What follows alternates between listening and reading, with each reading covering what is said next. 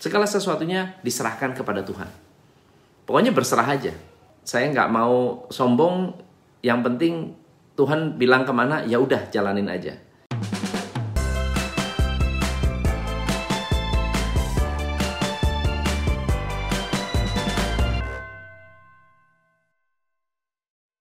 Good morning, selamat pagi teman-teman. Saya Tom MC Flip, founder Top Coach Indonesia. Pagi ini kita akan membahas tentang apresiasi. Hari ini kita akan bahas tentang apresiasi, menjadi orang yang apresiatif, menjadi orang yang bersyukur, akan membuat kita tambah mudah untuk menemukan peluang-peluang bisnis. Ada orang yang bilang, kenapa orang yang bersyukur makin kaya?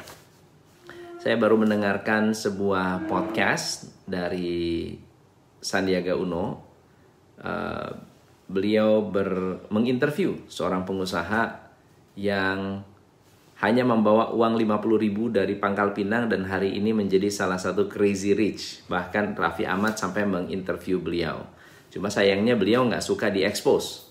Ya, tapi ada hal penting yang saya ingin ajarkan ke teman-teman yang menurut menurut saya sangat bagus. Pertama adalah segala sesuatunya diserahkan kepada Tuhan. Pokoknya berserah aja. Ya saya nggak mau sombong. Yang penting Tuhan bilang ke mana ya udah jalanin aja.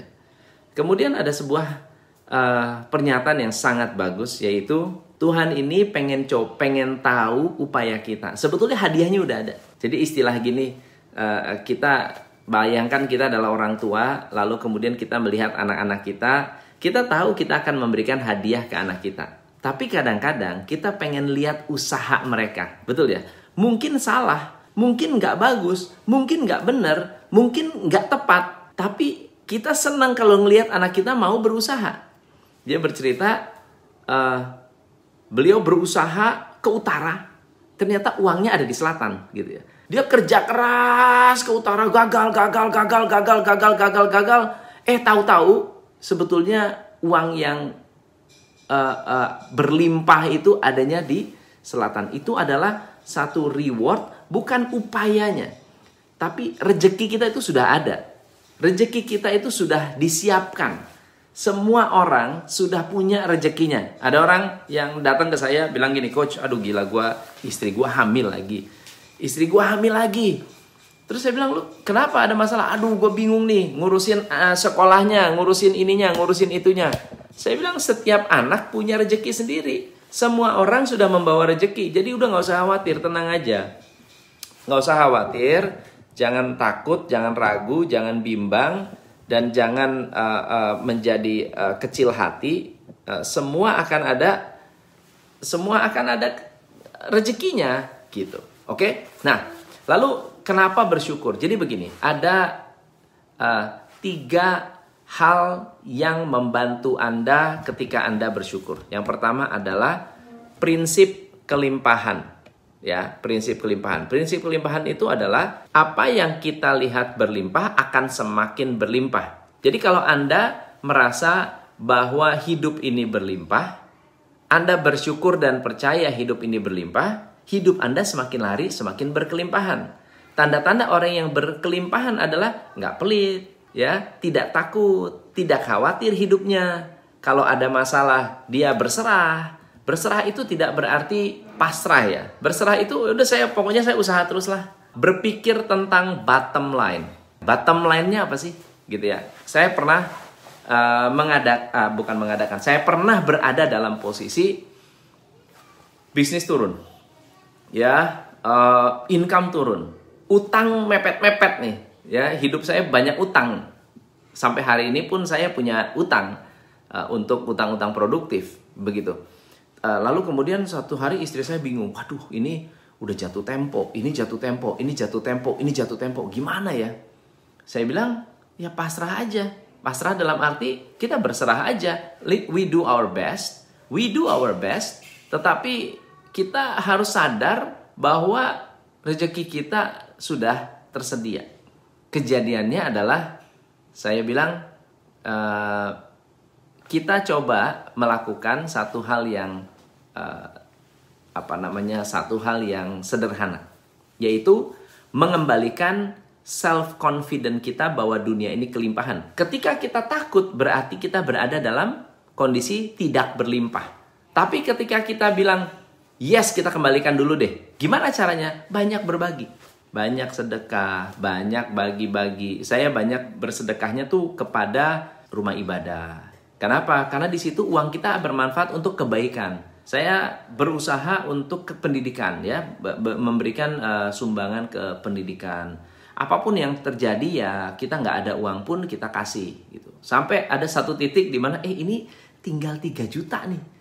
Di rekening tinggal 3 juta. Saya bilang udah 3, 3, 3 juta. Butuhnya berapa? 3 juta. Abisin. Tinggal sisa sedikit pokoknya sampai dengan minimumnya abisin. Nggak apa-apa.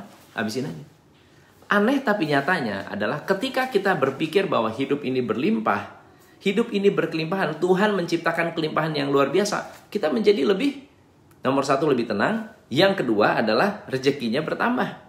Nah, yang kedua adalah kita harus bersyukur dengan teknologi. Kenapa kita orang yang bersyukur akan semakin berkelimpahan? Kita harus bersyukur bahwa teknologi telah mempermudah banyak hal dalam hidup kita. Anda mau iklan, mau marketing, mau bikin produk, Anda mau jual produk orang lain, dengan teknologi itu sudah dipermudah. Jadi tidak ada yang mempersulit hidup kita kecuali hidup kita sendiri atau diri kita sendiri. Ya, tidak ada yang mempersulit diri kita kecuali diri kita sendiri. Yang menarik adalah dengan teknologi, kalau kita tidak bersyukur dengan teknologi, tidak memanfaatkan teknologi, tidak menggunakan teknologi, kita akan terhambat. Tanda-tanda orang yang bersyukur adalah memanfaatkan. Tanda-tanda orang yang mengapresiasi adalah dengan menggunakan apa yang sudah diberikan. Ada orang dikasih sepatu, ya, lalu kemudian ah sayang ah disimpan aja sampai buluk, sampai rusak, nggak pernah dipakai. Bersyukur nggak? Ya nggak bersyukur. Kita punya tangan, punya kaki, nggak dipakai. Ya nggak bersyukur namanya. Dikasih otak, nggak dipakai. Ya nggak bersyukur namanya. Ya dikasih teknologi oleh alam semesta. Ya apa pun itu siapa pun itu lewat tangan-tangan orang pintar di dunia ini ada teknologi nggak dipakai. Ya pastinya nggak akan berguna. Nah terakhir adalah yang ketiga adalah kecepatan. Kita harus bersyukur bahwa uh, dunia hari ini bergerak lebih cepat dari biasanya. Kalau zaman dulu untuk berkomunikasi dengan orang di luar kota, kita harus jalan, harus pergi naik kuda, harus naik mobil, baru kita bisa komunikasi. Zaman sekarang atau pakai surat. Zaman sekarang within second, bahkan millisecond. Dalam millisecond kita bisa berkontak, berhubungan, lihat wajahnya, lihat suasananya, lihat manusianya dengan kecepatan. Maka teman-teman, kalau Anda orang yang bersyukur, jangan lambat. Kalau Anda tahu feel bagus, lanjutkan. Kalau Anda tahu ini adalah hal yang positif buat Anda, jalankan. Jadi, lakukan, jalankan sesuatu yang sifatnya instinktif atau intuitif buat Anda. Oke? Jadi, sekali lagi teman-teman, ingat bahwa rasa syukur itu tidak hanya berarti kita diam, justru bersyukur berarti kita terus bergerak. Semoga bermanfaat. Sampai ketemu next time. Saya Tom MC Ifle. Salam pencerahan. Hanya di Top Coach Indonesia.